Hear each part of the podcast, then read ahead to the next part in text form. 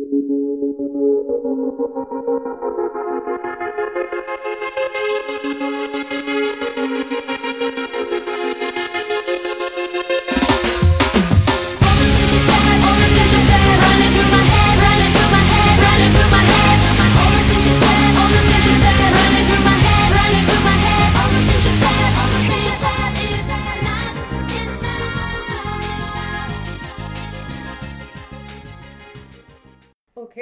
Välkomna tillbaka till mitt kök. Lotta heter jag. Tror att jag. Malin heter jag. Andreas. Gaspar. Erik. Också kända som Erik och Ace. Just det. Varför får han ha ett coolt nickname? Men, men jag, För att alla vet att det svider i dig. Ja, det är sant. Jag blir upprörd på riktigt. Det är kommentaren, det är podd. Avsnitt eh, fem. Sex. Sex. Sex, kommer du ihåg? När vi satt där? Vi spelar in den 26 eh, maj. Och vi har återigen misslyckats kan man väl säga. Vi har haft en hetsig diskussion här om, eh, om prostitution. Eh, Men för att inte bara återge den så ska vi börja i en annan ände. För vi har två ämnen idag. Vi ska berätta den med så sockpuppets som en fabel. Åh, som Per Ström. Han skrev ju en fabel. Om får och vargar. Och, Och åsiktskorridoren. Ah, Animal Farm. Ja, nej vad hette den? Vem är Per Ström? Per Ström är den här vidriga Man- Han hade en blogg som hette Genusnytt. Mm. Men Erik fanns inte på internet. På den tiden var det punk, rollspel och mäsk. Ja, det är helt sant. Okej, men Per Ström och Pelle, Pelle Billing var liksom så här mansrörelsens eh, stora ideologer ett tag. Ja. Och han är fruktansvärt ful. Ja, det- Okej. Ja, det, det, det är han verkligen. Eh, Okej, nu har vi två stycken jävligt gedigna och tunga saker att tala om eh, det, här, eh, det här avsnittet. Men, kan vi bara ta en snabb runda kring om det är okej att vara taskig mot eh, den här Sverigedemokraten som, vad heter han, Lund, Per. Lundgren. Han som eh, har förgripit sig på en eh, SD-kollega. Och har den här jävla chipskålen. Han som är så fläskig. Men undrar du om det är okej att pissa på honom? Nej, är det okej? Ja precis, när är det okej att angripa folk för deras fysiska utseende och när är det När inte? får man hålla på med lokism? När får man lokista? V- vänta, vad är det här? Eh, när man gör narr av någons utseende. Eh, jag, har, jag har ett, ett, jag har ett free card där jag, får, där jag får hacka på någon precis hur mycket som helst För deras för utseende? deras utseende. Och Ja. det är the golden one. Ja, ja, ja. För han gör en sån Det är grej. Hannas eh, Ja. influencer. Med grisnäsan. Alltså, han är så ful. Han är så, alltså, så här, han är så fruktansvärt ful.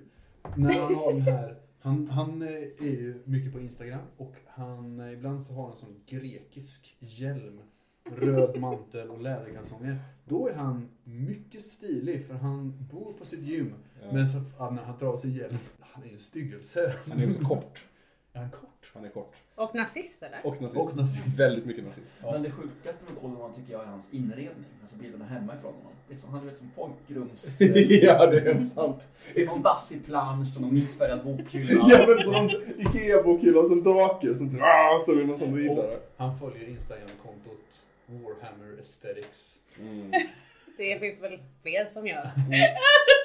Det är det, men jag är vacker. Jag. Apropå lokism. Så beskrev jag för min mamma vem du var. Mm. Och sa nej. Han ser inte alls ut som han låter. Har din mor lyssnat på det här nu? Eh, ja. Åh nej, då måste jag censurera mig från det.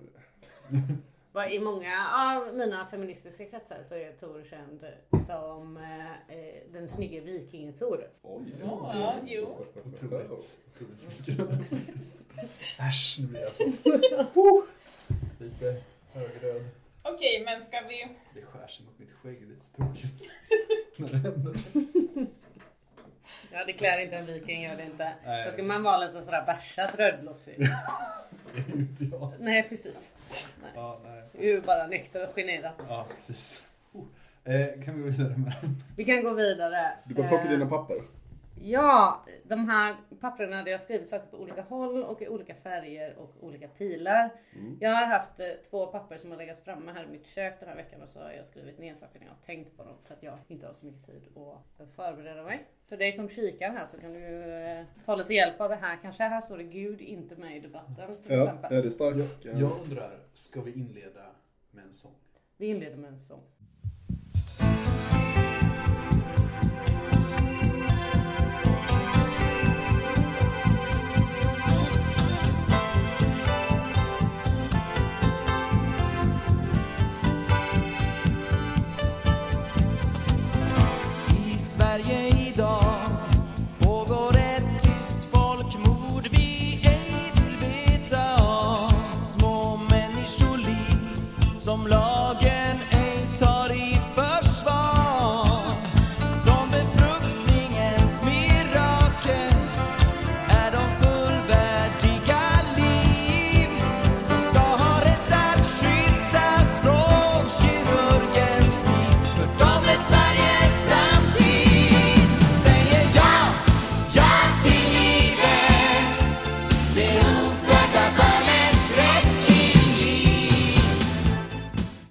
Var den. Jajamän.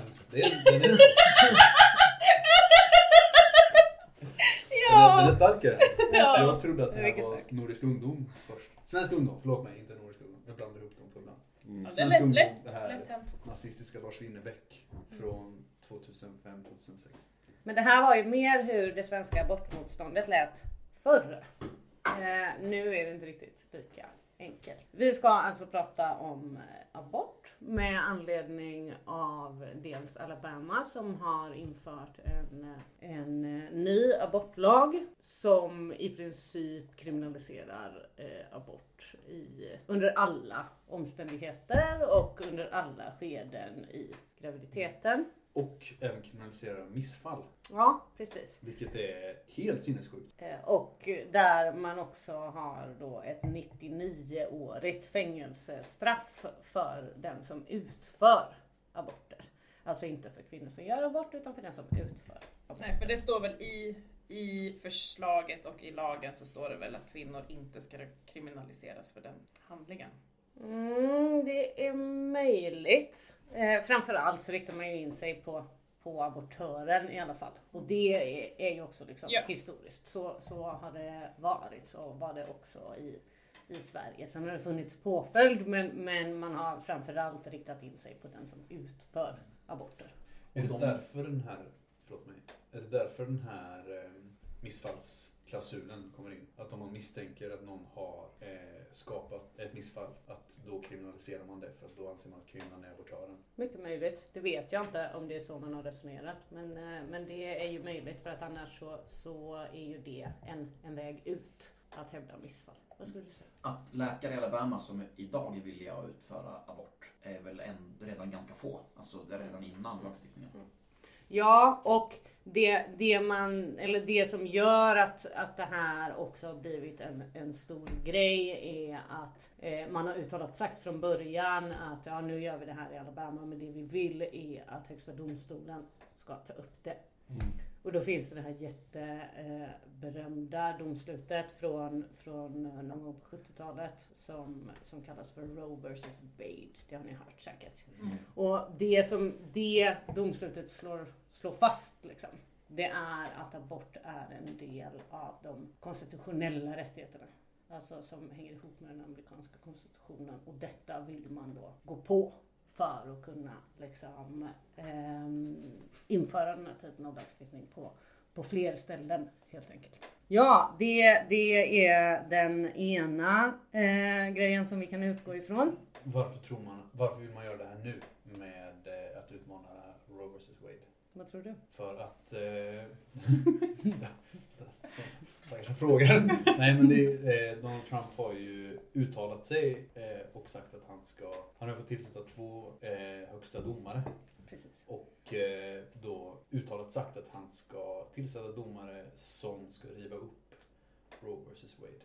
Precis, och då har man tillsatt en man som heter Brett Kavanaugh som är eh, en konservativ eh, katolik och som man då har liksom förhoppningar kommer eh, att kunna bana väg för det här. För att tidigare så har man inte haft konservativ majoritet i Högsta domstolen. Han är väl också så gott som bekräftad våldtäktsman? Är det inte så? Det kan jag mycket väl tänka mig. Det skulle inte, jo, det har funnits många sådana anklagelser har jag hört. Jag vet inte vad de specifikt är men Jo men det är han eh, sannolikt. Alltså det, det, var någon, det var någon fest på, eh, när han var i 20-årsåldern. Och sen så är det en kvinna som har sagt då att han eh, söp ner henne och på något sätt våldförde sig. Ja, men det gjorde han ju 100%. Det är ju ingen snack om saken. 100% att han gjorde det.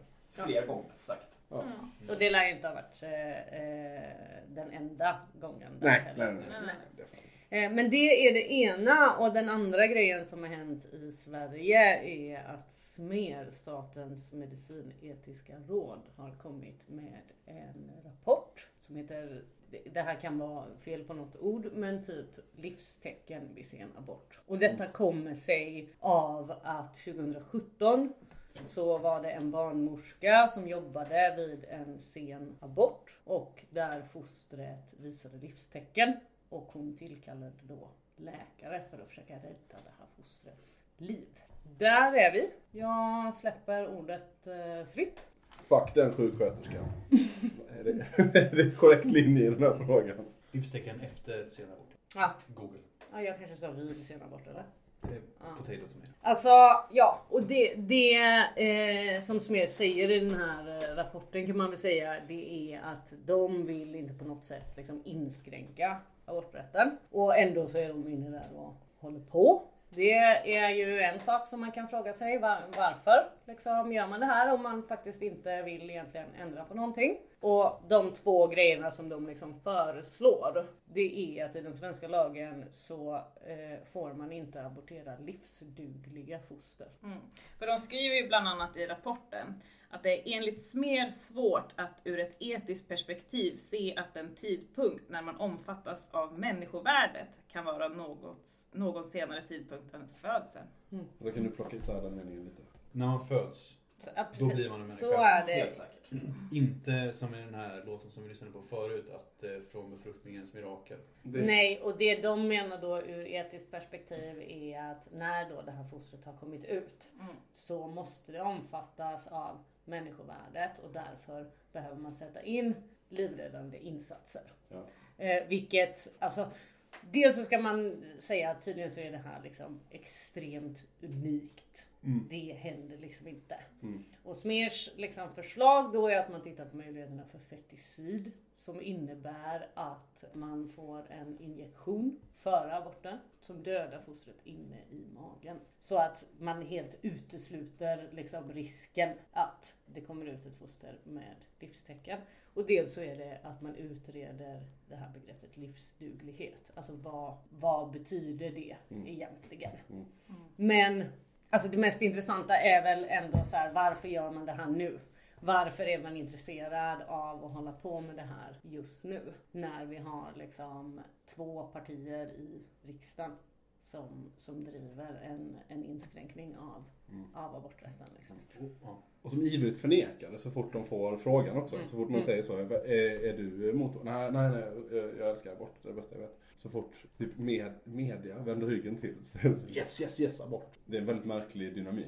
Jag tänker att alltså, så här, det, absolut, eller självklart att det drivs nu för att det finns ett politiskt klimat som tillåter och trycker på det. Liksom. Mm. Att så här, hade det inte funnits, hade det bara varit den här galna sjuksköterskan som vägrar, ja, men som vill kunna vårdvägra, så då hade det här ju aldrig hänt. Liksom. Mm.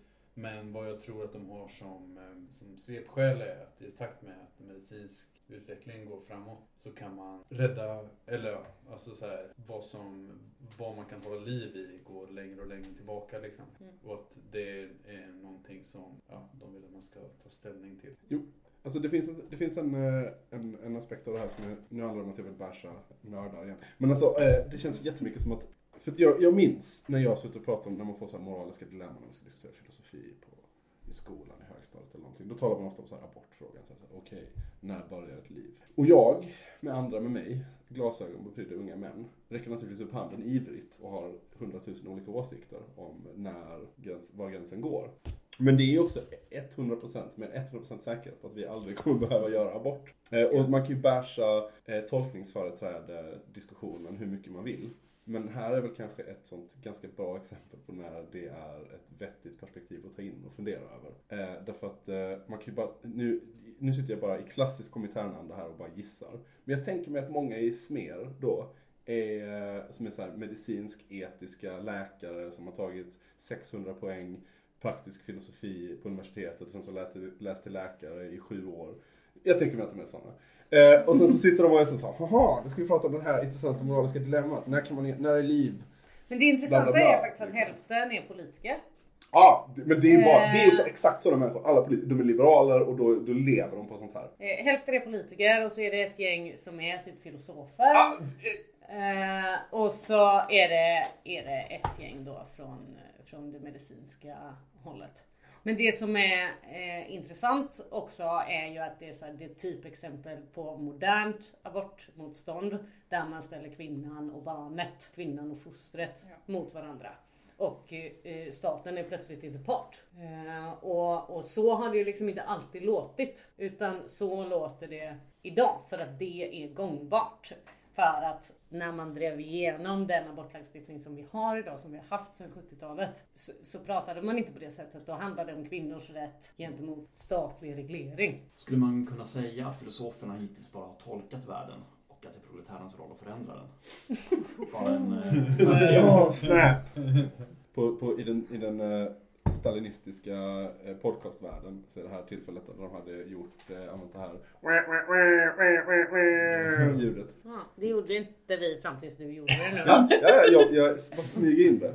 Bong Rip Theory, ljudtuta. Det finns några bra sådana grejer till som vi kan smyga in. Men så vad, vad ni säger att ni inte tror att till exempel Lars Adaktusson, den förrymda jävla vaxdockan och låtsasjournalisten, hade röstat mot abort 22 gånger i parlamentet om han själv till exempel hade blivit gravid efter ett sexuellt övergrepp? Nej, för samtidigt så är det ju inte så enkelt för att det finns ju massor av kvinnor som är abortmotståndare. Alltså, så enkelt är det ju eh, verkligen inte. Nej, och det är också därför som det här med tolkningsföreträde ändå inte funkar i det här fallet heller. För det finns så jävla många puckon som också är kvinnor i världen. M- Men, men eh, man kan väl ändå säga att eh, det är klart det finns många, men alltså, alltså på någon slags, alltså det Ja, materiella. män har ingen talan. Nej, alltså det materiella intresset någonstans ändå kan är, vägledande. Här. Ja, fast det har också funnits, eh, alltså om man kollar liksom bakåt när abort var kriminaliserat i, i Sverige. Så fanns det ju en stor grupp män som eh, liksom förmedlade kontakter till illegala aborter för att man hade gjort kvinnor gravida. Och för att man ville liksom lösa det här lite smidigt. Alltså om man har haft en relation med sin sekreterare eller liksom, ja, välbärgade män har ju också pumpat in pengar i den illegala abortindustrin för att man har haft ett intresse utav det. Då och nu. För en av de här eh, senatorerna i USA fick ju då sluta efter att han hade eh, då försökt övertala sin älskarinna att göra abort. Men det är inte just grejen att de är nöjda med att den är illegal. De skiter i att den är livsfarlig och komplicerad. Och att det, Jo, jo, visst. alltså det, den, Jo. den delen av, av pro-abort-falangen som utgörs, utgörs av förmögna män då är ju, den bryr sig inte om hur den går till riktigt. Och den bryr sig Inte pro-abort. Jo, Nej, mot. Nej, pro-abort. Alltså de, de män som förestår, eller som arbetar för att abort ska tillgängliggöras, de bryr sig inte om att den ska vara säker eller eh, att den ska utföras eh, sanktionerat av staten, utan de bryr sig bara om att, att den ska hända.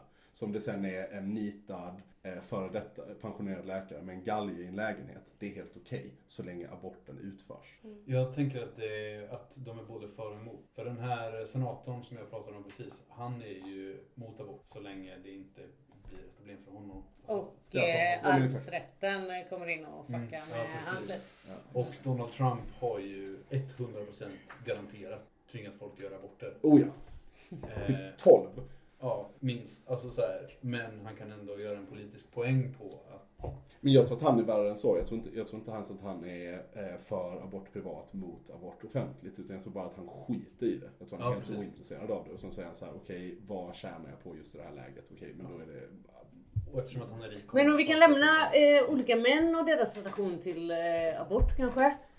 Eh, och, och komma tillbaka till typ så här, vad, hur diskussionen går och vilka vägar som verkar vara framkomliga och, och så.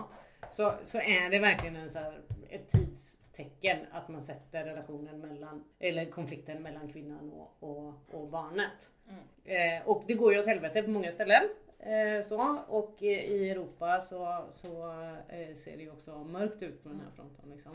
Men sen så bara Irland förra året. Ja. Vad hände där?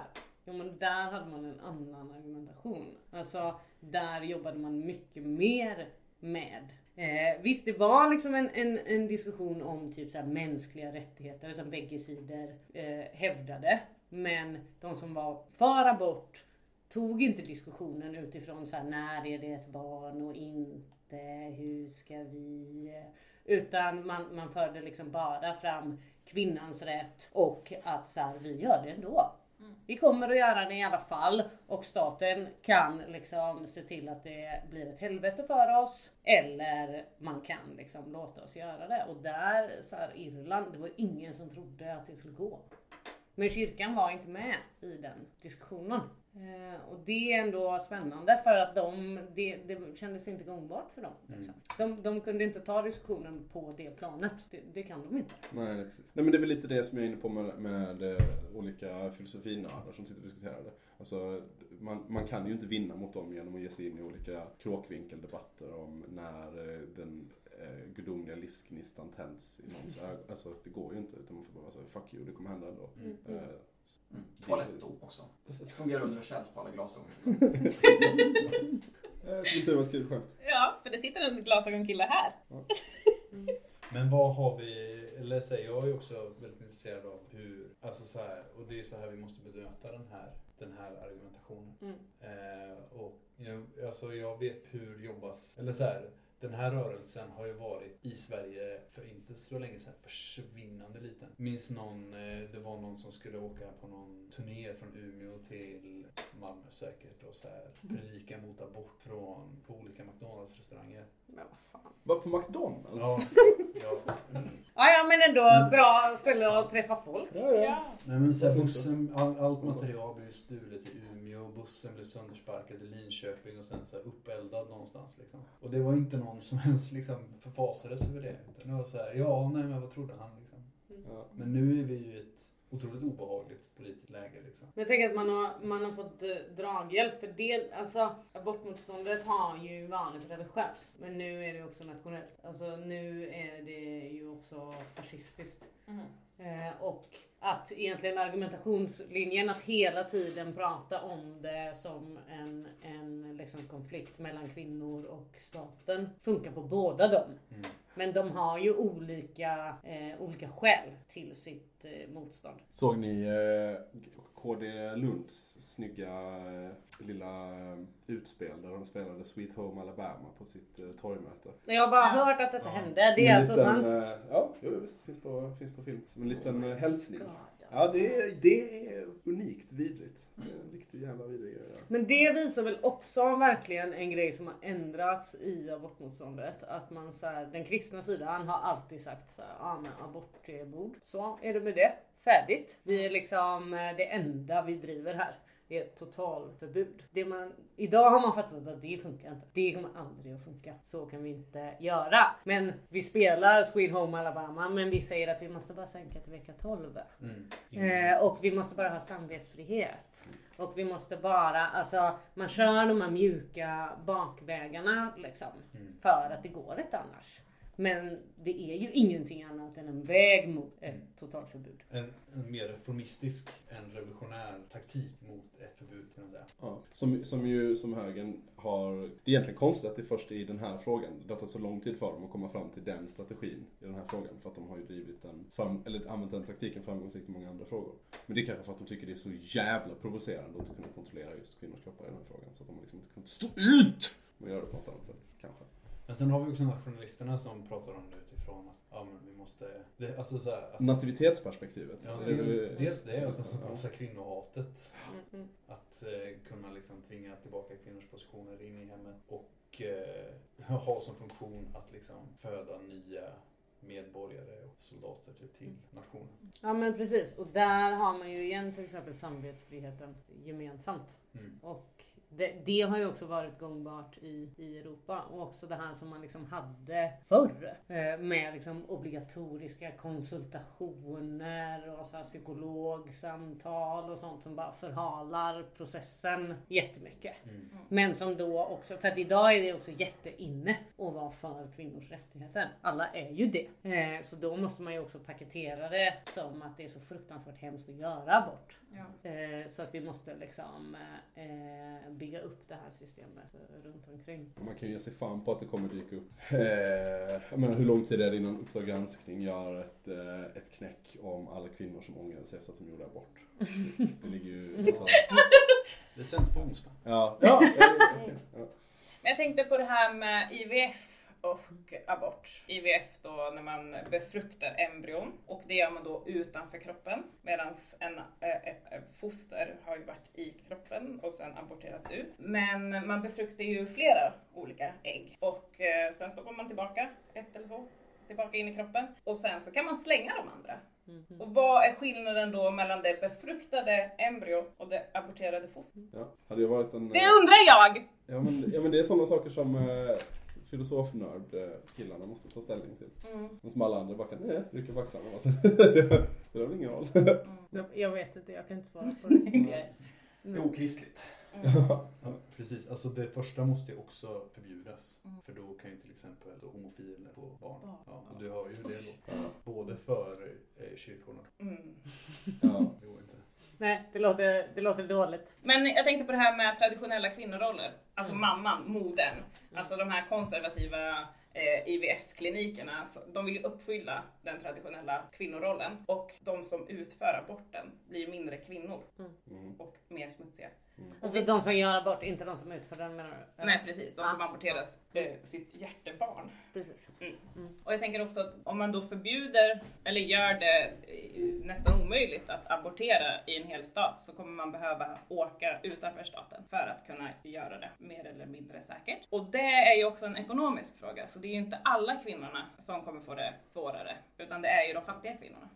Och så har det ju också alltid eh, varit liksom att man har eh, kunnat eh, skicka bort kvinnor för att föda sina barn utomlands och sen lämna bort dem. Eller för att göra Ja för vi åkte ju till. Polen. Ja precis, det, det var väl kanske inte, alltså jag tänker längre tillbaka när, när liksom rika familjer kunde så här, skeppa iväg sina döttrar under graviditet eller för att göra aborter och sen kunde de komma hem och så var det liksom lugnt. Men precis, svenska kvinnor åkte ju till Polen och det blev ju också en rättssak utav det.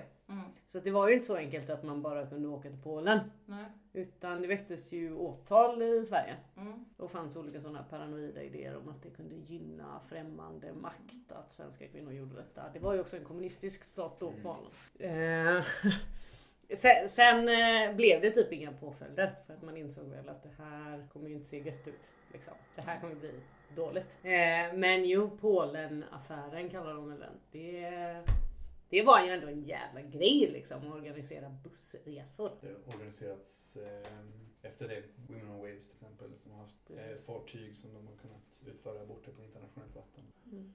Och eh, det är ett arbete som, alltså att transportera folk från stater där, i USA där det är illegalt eller omöjligt för att det inte finns på grund av olika eh, så byggnadstekniska riktlinjer nästan omöjligt att göra aborter i eh, flera delstater i amerikanska södern så finns det också ett nätverk för eh, att eh, hjälpa folk att ta sig till delstater där det finns en möjlighet. Det finns ju också en, en internetmarknad för abortpiller. Mm. Och det låter otroligt tryggt. Ja, nej men så är det ju. Det var ju en stor grej på, på Irland där man ju annars traditionellt åker till eh, London. Eller där det också finns då eh, båtar på internationellt vatten som man, kan, som man kan åka. Men så finns ju också den svarta marknaden och framförallt att man kan göra tidig abort hemma med piller som man köpt på internet. Jag har försökt köpa många piller på internet men abortpiller var inget sådär.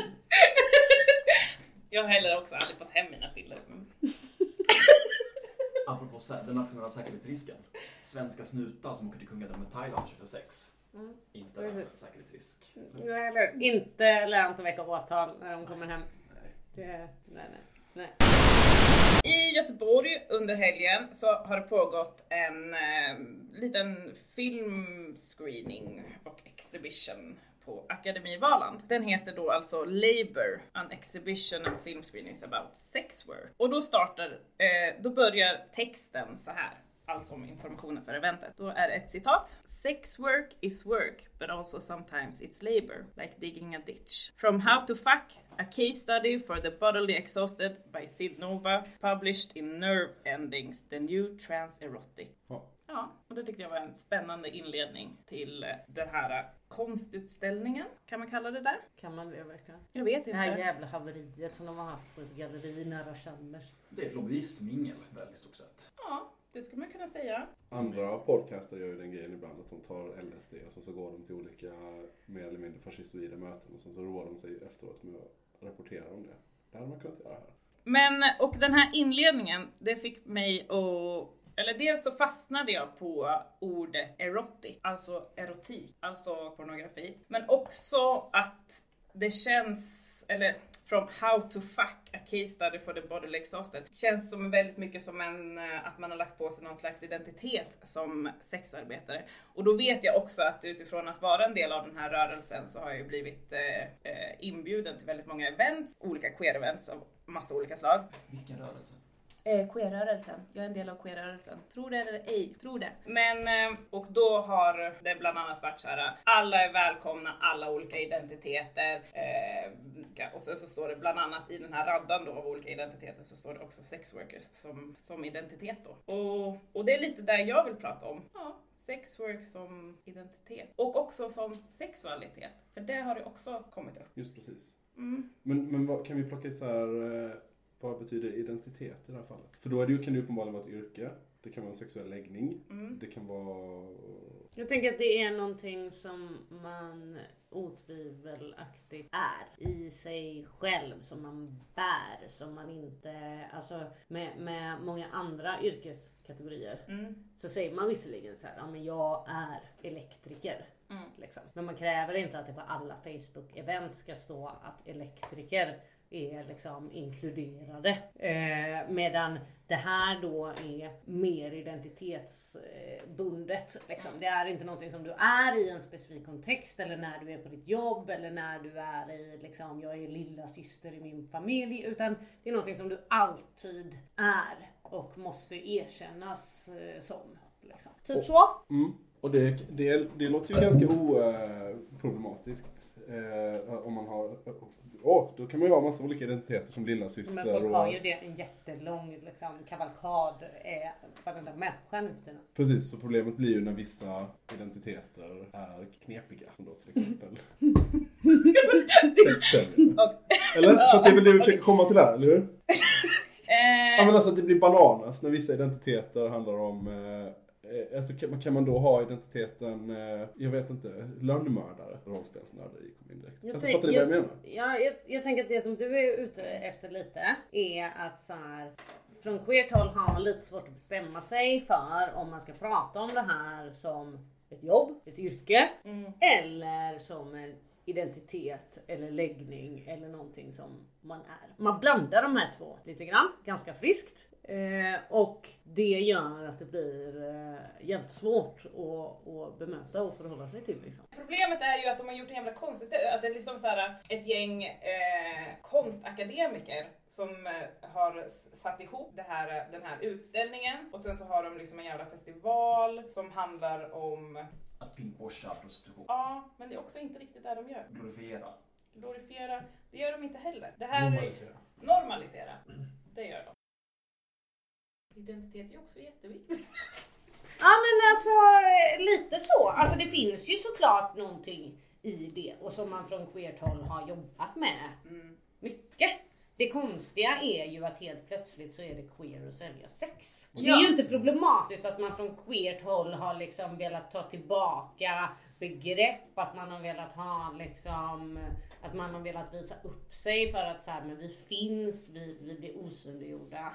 Det konstiga är ju att helt plötsligt är sexarbetare en del i det kollektivet. Det är ju knappt. Det är jättekonstigt. Men det, det jag, alltså, jag kommer ju från den här rörelsen, alltså queer-rörelsen. Eh, jag har varit i den, kanske inte skitlänge, men jag har ju ändå varit i den i tio år i alla fall. Och jag har ju sett de här, eh, ska man kalla det för tendens, som har blivit större och större under den här tiden som jag har varit aktiv i det här med att man normaliserar, man normaliserar prostitution, man använder Eh, eh, det som vissa kallar för sexarbete som en sexualitet. Man använder sexarbete som en identitet, som någonting man är. Och också normaliserar det här eh, på, i alla olika här, queera evenemang som egentligen också inte handlar om, om någonting politiskt. Jag var på en fest i en annan stad som bara var vanlig så här fest, fest, fest, fest, fest. Eh, de här DJsarna spelar. Och sen så står det, det här är en sexpositiv fest, bla bla bla bla. Och den festen hade ju ingenting med sex att göra. Utan det är bara så här att nu normaliserar vi någonting där sexualitet och sex och ska bara vara en del av allting hela tiden. Och det tänker jag också är en del av att det här sexarbete, personerna, alltså de som, de som kallar det för sexarbete, eh, som kallar prostitution för sexarbete, är en del av som har skapat, att de har skapat det här. Och det tycker jag är, det är sjukt! Men eh, så det jag vill prata om är liksom lite det här, så här att använda sexarbete som identitet, att eh, göra någon slags konst av det här. I det här programmet som är under den här festivalen, eller vad, vad det nu är, så finns det ju bland annat en konstnär som heter Charlotta Öberg som beskrivs bland annat så här. Eh, right now Charlotta is interested in the taboo of the anus and her own fear about the topic. She wants to create a space for taking care of the anus and put it on the agenda in a playful way to give it attention and loosen up tensions around the topic. Oh. Ja. Och, och kan vi berätta hur detta görs också? Hur Det eh, görs liksom, bland eh, löser De här äh, anusarna som är då gestaltade i, eh, de är alltså gjorda i tyg och är som jättestora puffar som är lite snurrade så att det blir lite buckligt. En slags anusformad saccosäck. Exakt! Men ska man sitta i dem? På dem? Jag har sett eh, eh, en bild på eh, en person som satt på en sån. Herregud. Jag tycker det här, eller det här kan ju bli ett jättekonstigt stickspår, men om man vill liksom, om man vill lösa upp liksom eh, sin egen rädsla kring anus. Då kan man börja jobba som undersköterska på en avdelning där man tar tempen i anus på folk eh, varje dag. Helt plötsligt är det inte så dramatiskt längre.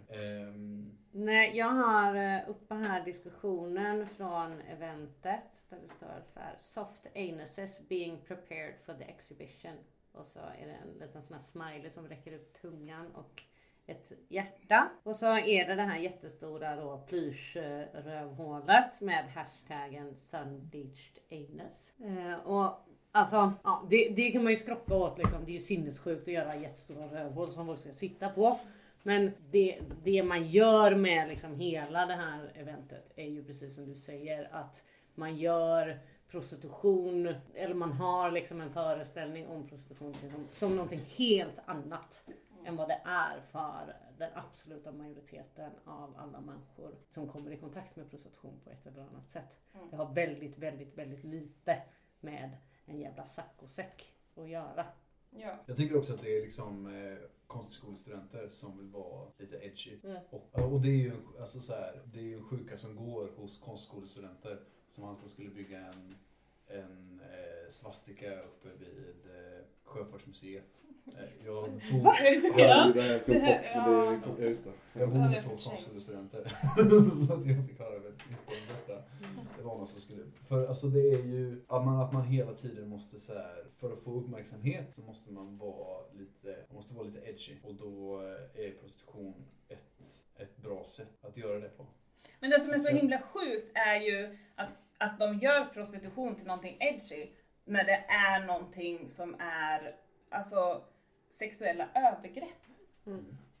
Men jag håller med, jag håller, jag håller med dig för att på ett sätt så, så eh, det, är, det är ju lätt att vara så jävla, jävla stockholmare som kommer hit med sina jävla märkliga konstutställningar och de ska fan bara buntas ihop och skickas hem igen. Eh, men, men det är ju att göra det lite lätt för sig också därför att uppenbarligen så finns det ju intressen som är jätteför att en sån här konstutställning ska ske. Därför att de, de är ju torskar liksom, eller hallickar, eller aspirerande torskar, aspirerande hallickar.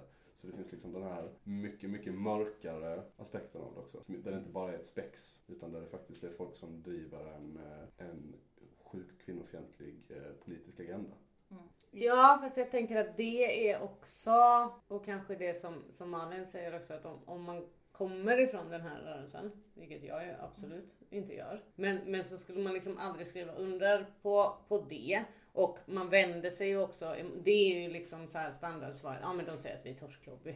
Så. Och, så, och så är diskussionen eh, slut. Men grejen är väl att så här, ja fast du behöver inte vara torsk för att springa torskars ärenden. Alltså det är ju det att man inte har någon liksom konsekvensanalys av vad man håller på med. Och det handlar ju om att man i grund och botten inte är överens om huruvida prostitution är knas eller inte. Det, om, man, om man tycker att det är oproblematiskt att det finns en, en sexmarknad, då, då liksom så faller ju alla argument egentligen. Då handlar ju allting bara om att tvätta bort oönskade bieffekter. Det är frågan, eller jag upplever att det är frågan om man vänder sig, om man alltså om man vänder sig, om man är, är feminist och vänder sig mot att någon ska kunna betala för att våldta en annan människa. Eh, eller om man är liberal och på något sätt vänder sig mot en kristen moral. Mm. Eh, Ja. Som man upplever som förtryckande. Ja, för i till exempel USA och Tyskland som är väldigt konservativa länder så Alltså, jag kan förstå att där kan det finnas en grupp människor som kanske använder sig av sexarbete som någon slags subversivt motstånd mot de sex- sexualpolitiska normerna som finns i de länderna. Men de länderna bor vi inte i. Sverige är liksom någonting annat. Och där de har anammat de här strukturerna, eller så här överlevnadsstrategierna och applicerat dem i Sverige. Som, alltså här är det inte olagligt att sälja sex. Nej, och när man, när man då liksom för samma liksom antimoralistiska eh, linje i Sverige så blir ju moralisterna feministerna. Mm. Alltså det är inte kyrkan eller det är inte liksom en väldigt konservativ stat eller så utan det är feministerna som får liksom klä skott för någon form av ny moralism. Som ju man, man från liksom feministiskt håll skulle säga att så här, fast om det är några som är liksom jävla positiva här så är det väl vi som liksom tror att den här skiten behöver inte finnas. Vi kan ha liksom frivilligt gött sex utan att liksom, det ska finnas en marknad inkopplad. Det är ju en verkligt positiv approach. Medan de här har ju snarare liksom ingången att så här, men det här kommer alltid finnas, det har alltid funnits. Och nu ska vi bara liksom tvätta bort stigmat.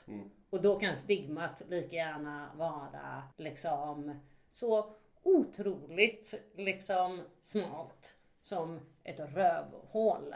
Medan andra pratar om liksom strukturellt förtryck. Och det här är ju också någonting som, alltså, så, som alla kvinnor i hela världen blir, eh, eh, Lider av. nej, vänta, blir affected.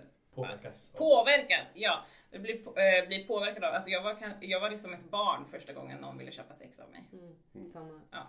För att, eh, för att det är att normalisera att män köper kvinnor påverkar ju alla kvinnor. Och att då eh, normalisera det, eller visa upp, nu säger jag inte att allt i det här eventet är från det här hållet, men det gör ju någonting eh, mot, all, alltså mot alla kvinnor. Alltså där har, har den, den irländska rörelsen, de har ju drivit igenom en, version av Nordic Model i, på Irland.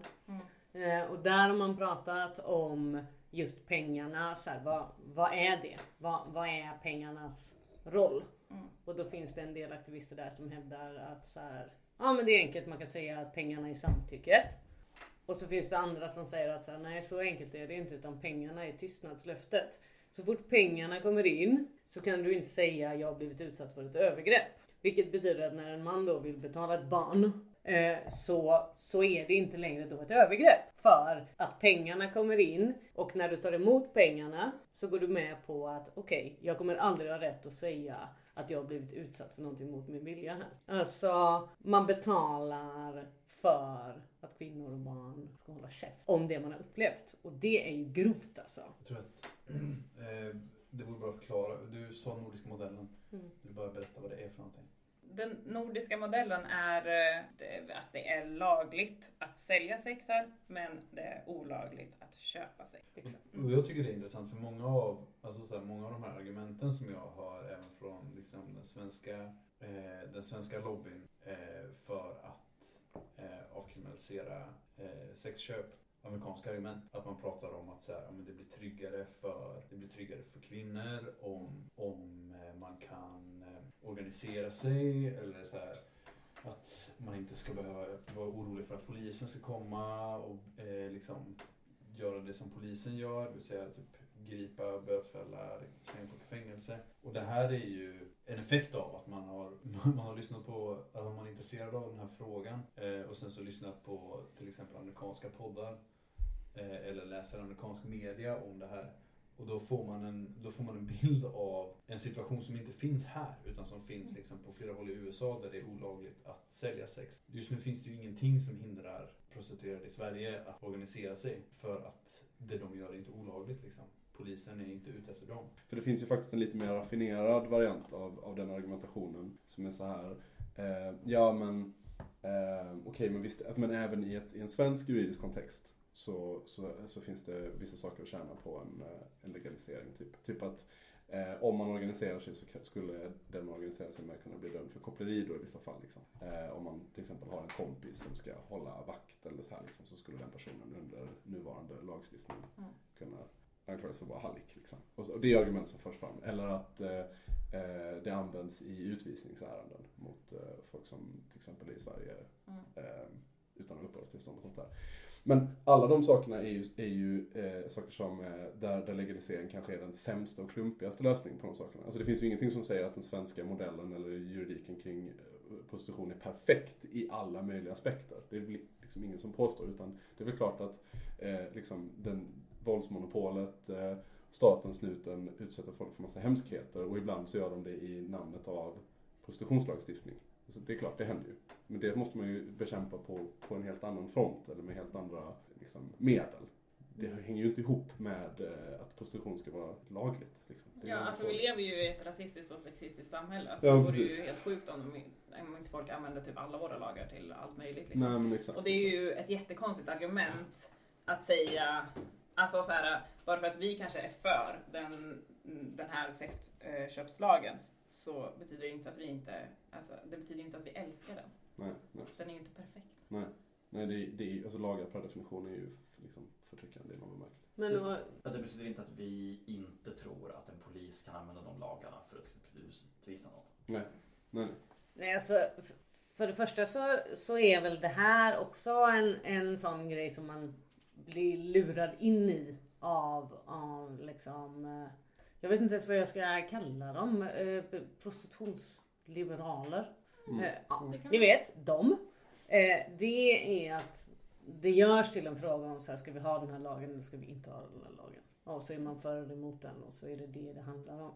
Så är det ju inte. Utan så här, den här lagen är ett sätt att försöka att hämma den här marknaden. Mm. Och att ta liksom ett normerande ställningstagande eh, runt vad, vad vi tänker att prostitution är och vem som är problemet och så.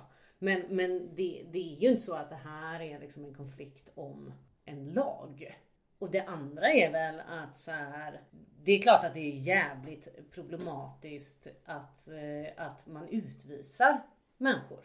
Om alternativet skulle vara att man kan komma från andra länder och få arbetstillstånd knutet till att du ska bara sälja sex i Sverige. Så är vi också inne på en jävligt knasig väg. Alltså den skulle ju utnyttjas enormt. Alltså det skulle ju vara vidrigt att skapa en sån sektor. Liksom. Och den som tror att det någonsin skulle fungera på något annat sätt behöver ju inte kolla längre än till Tyskland Nej, eller Holland. Liksom. Det, är ju, Nej. det är ju svart på vitt, alltså, det finns ju ingen diskussion om att det är så det har blivit. Det är ju... Och det har man ju eh, eh, på vissa platser det man kallar för entertainment visas. Alltså där man kommer med ett visa som är knutet till att man ska jobba i sexindustrin. Eh, alltså att lämna då. Eh, det blir ju jävligt svårt. Liksom. Ja. Ja. Så att det är klart att det finns liksom kritik mot den här lagen som inte är liksom osann. Eller så här. Det, det är klart att det finns saker som är problematiskt. Men det handlar inte om en lag. Och det handlar ju också om så här, vilka kompromisser är vi beredda att göra. Vad Är vi, precis, är vi beredda att liksom gå de här liksom konstnärerna till mötes? Eller vill vi liksom värna så här, världens fattigaste kvinnor och barn? Det, det är ju en ganska enkel avvägning att göra. Ja, usch. En, eh, en grej som jag eh, ändå tycker, alltså den här eh, utställningen eh, handlar ju om eh, sexarbete och and queerness. Att de drar kopplingar till det. Och det tycker jag är en, en jätteviktig eh, aspekt som man måste prata om. Eh, till exempel att det är en väldigt stor del av de prostituerade som är queers och eller transpersoner. Och att det är ett jättestort problem i vårt samhälle att folk inte får jobb på grund av eh, kön eller eh, sexualitet eller annat som har med queer och trans att göra. Och att man då måste vända sig till prostitution. Men att sen göra en konstutställning kring det, tänker jag är, eh, men det är lite märkligt. Mm, just det, för det får man ju höra ibland ändå om man till exempel tycker det är bra att vi har en lag mot att man får köpa och sälja människor i Sverige. Så kan man få höra så, jaha, varför hatar du rasifierade transkvinnor? ja. Varför gör du det Ace? det, jag gör inte det, men jag tycker inte att det ska hyllas något som någonting progressivt. Att den enda källan till inkomst många av dem kan finna är att sälja sin kropp. Nej men precis, det, det är ju det som, som eh, händer. Att man skapar en, en liksom del av då, jag gör de här fingerviftningarna här nu, arbetsmarknaden. Där alla kvinnor och också transpersoner och barn eh, kan jobba. Alla är anställningsbara i, i någonstans i den här industrin. Och det är ju livsfarligt att, att öppna den och låta den eh, frodas. Liksom. Men det är väl lite det här som man inte... Jag tänker att många i, i liksom, från queert håll är också anarkister. Och eh, eh, Alla kollar på Tor. Könartister. Nej men att man också liksom eh, har inte tilltro till liksom regleringar och så på det sättet. Och det där går man ju också på liksom eh, droger och alkohol och så här. Så tänker man sig att så här, ja, men då kan vissa ha så här små mikrobryggerier och göra sitt e-, eget eh, öl typ. Och så fattar man inte eh, vilken industri det finns som bara väntar på att göra någonting med det här. Man har inte med... Jag har aldrig liksom- dragit den, den kopplingen mellan mikrobryggerier och, Inte? och prostitution. Ja men det här att man släpper saker fritt Ja. och så finns det krafter som kommer att liksom Ja. eh, blåsa upp det. Får jag bara säga, får jag bara flika in här i egenskap av poddens anarkist att om man är anarkist och inte antikapitalist, då är man inte anarkist. Nej men precis. Och då måste man ju också ha den grundläggande förståelsen att finns det någonting där man kan göra stora, stora, stora pengar så kommer man att göra det. Ja, absolut. Och folk kommer fara otroligt illa av det. Ja. Men då precis på samma not. eh, Så om man eh, vet att det finns en liten minoritet av frivilliga, beroende på vad man menar med frivilligt, sexarbetare. Och sen så att det finns en majoritet i kommersiell sexuell exploatering. Och att man förespråkar en uppluckrad lagstiftning för att gynna minoriteter på bekostnad av majoriteten. Då är man heller ingen kamrat. Nej. Nej, fast då skulle man ju invända att så här, om det är några som vill göra uppdelningen i frivillig och ofrivillig prostitution och som måste erkänna att ja, det finns massor av människor som, som inte alls vill göra det här, men det är inte de vi pratar om. Vi, vi liksom vill, vill fortfarande ha lagstiftning som ingen tycker att trafficking är bra till exempel. Eller så. Utan man delar ju upp det här. Och då har man ju också en jävligt konstig syn på vad som är fria val och vad som är liksom handlingsutrymme. Alltså det finns ju många som helt medvetet ger sig in i den här industrin. Jo, men, men luckras inte den, den skillnaden upp mer och mer? Alltså jag tycker att ofta att man läser så Trafficking, vadå? Du menar en möjlighet till migration till Europa?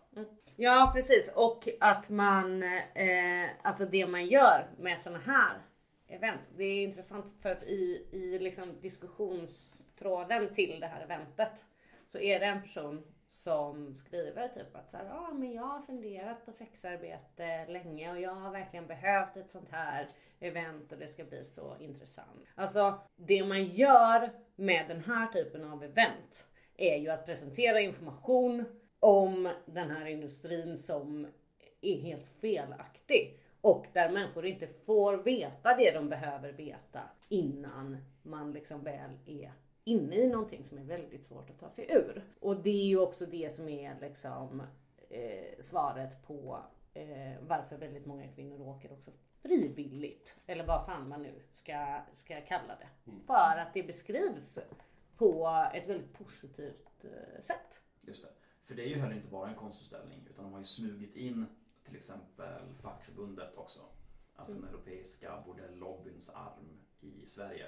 Eh, som en av utställarna under Jo men och man framställer det är ju så här, jag, jag läste någon, eh, det är någon form av då screening av stillbilder. Så står det så här, all that sheltering emptiness is a meditation on elevators, hotel lobbies, hundred dollar bills, the bathroom, a cab, chandeliers, cocktails, the receptionist, arousal and other routines in the life of a New York City cowboy.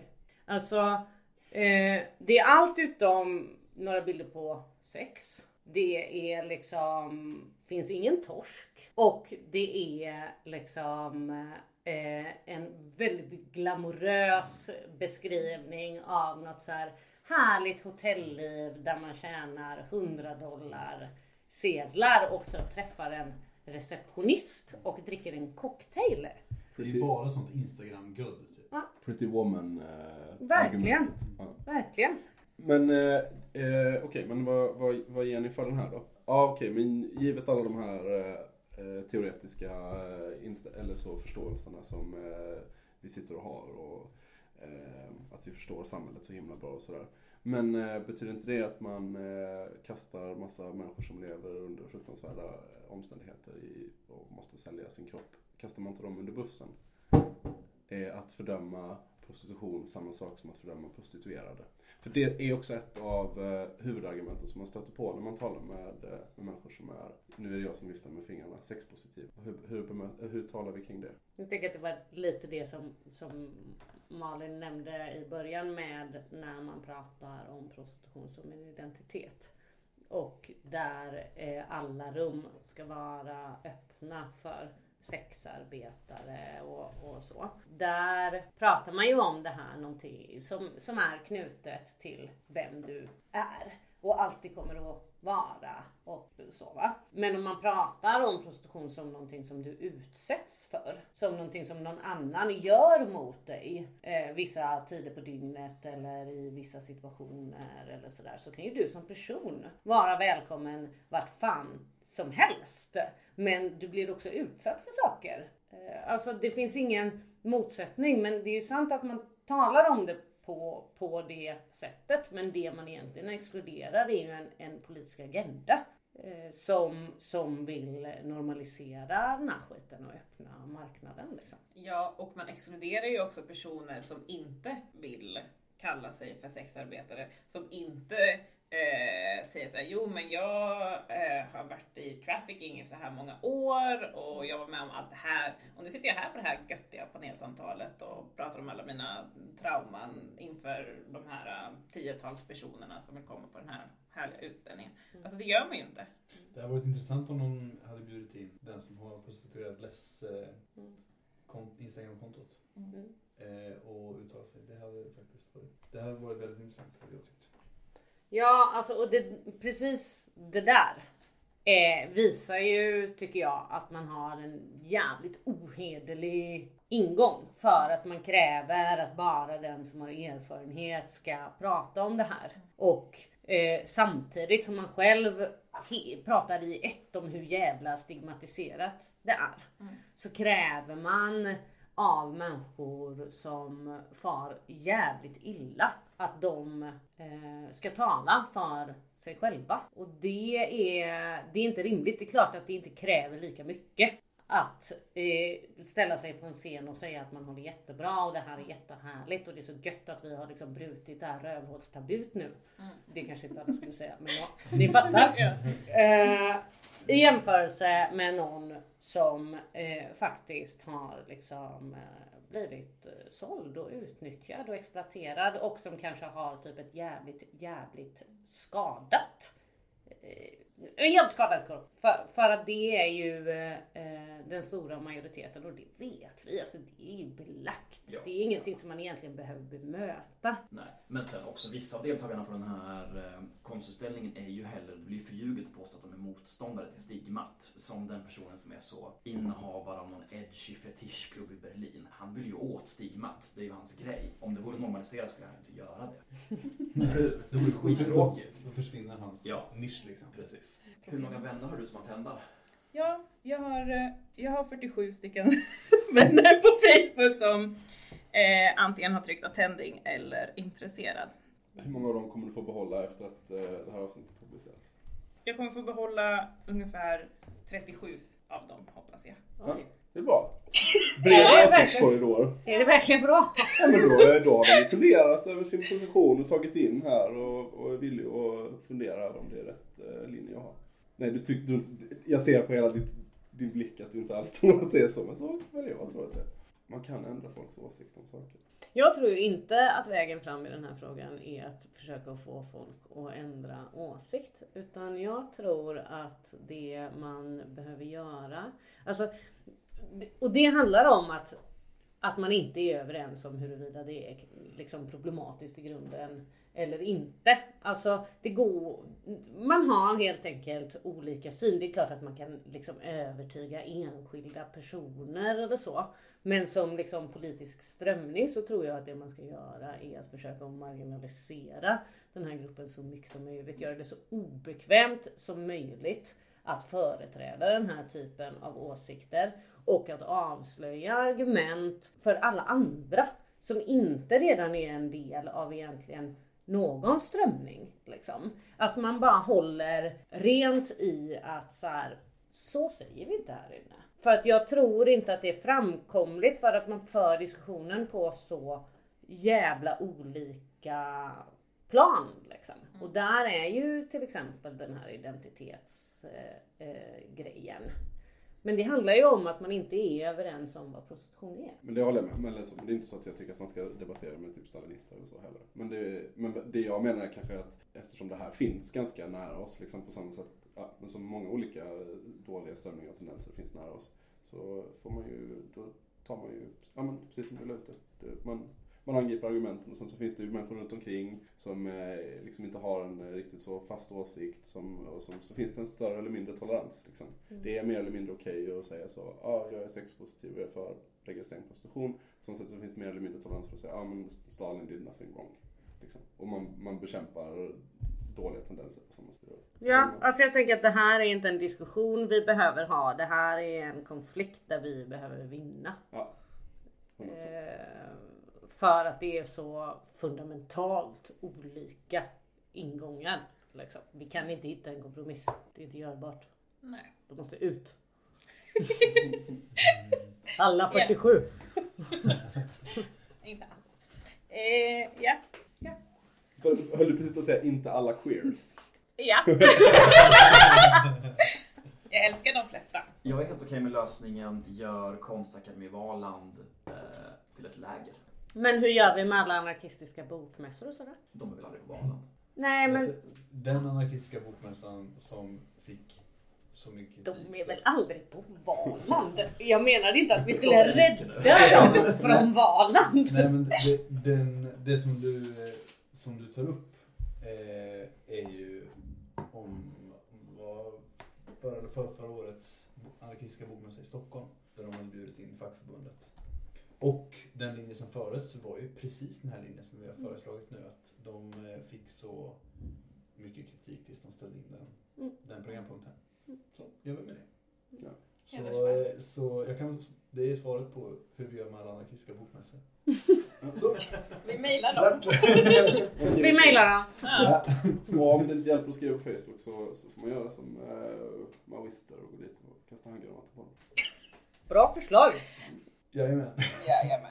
Ehm, Nu när vi har eh, bränt alla Malins eh, broar till Göteborgs queerrörelse så kan jag bränna alla Tors eh, broar till Stockholms anarkiströrelse också genom att säga att Stockholms A-mässa ju alltid har varit landets sämsta. Det är helt sant. Jag skulle säga att det finns en viss eh, bokmässa här i Göteborg som är riktigt bra. Men eh, alltså visst var det också någon, eh, någon eh, sexarbetarvariant som var på anarkistiska bokmässan i, i Malmö i somras? det är mer än vad jag vet. faktiskt. Jag har bara tröttnat på de jävla mässorna. Det finns typ 40 stycken nu. Ja. Det är Lund och Umeå och Luleå och Malmö och Göteborg och det är... Mm, men den i Malmö som är nu, väl snart, i juni, verkar jättekul. Den är ju Första, första, helgen första juni. helgen första juni, samtidigt som vi är i Malmö. Nej, helgen åttonde. Helgen 8 juni. Stockholm är helgen första. Just det. Jättebra program. Alltså det är typ eh, förra höstens radikal bokmässa i Göteborg. Provet. Oh. Humble brag. Men hörni, kan vi komma tillbaka till, eh, till de här eh, rövhålskuddarna? Absolut. Vad vill du ha sagt? Ja. Som inte redan har sagt om Det jag vill ha sagt om dem är att så jävla sjukt kan det bli när man drar stigma-grejen till sin spets. Mm.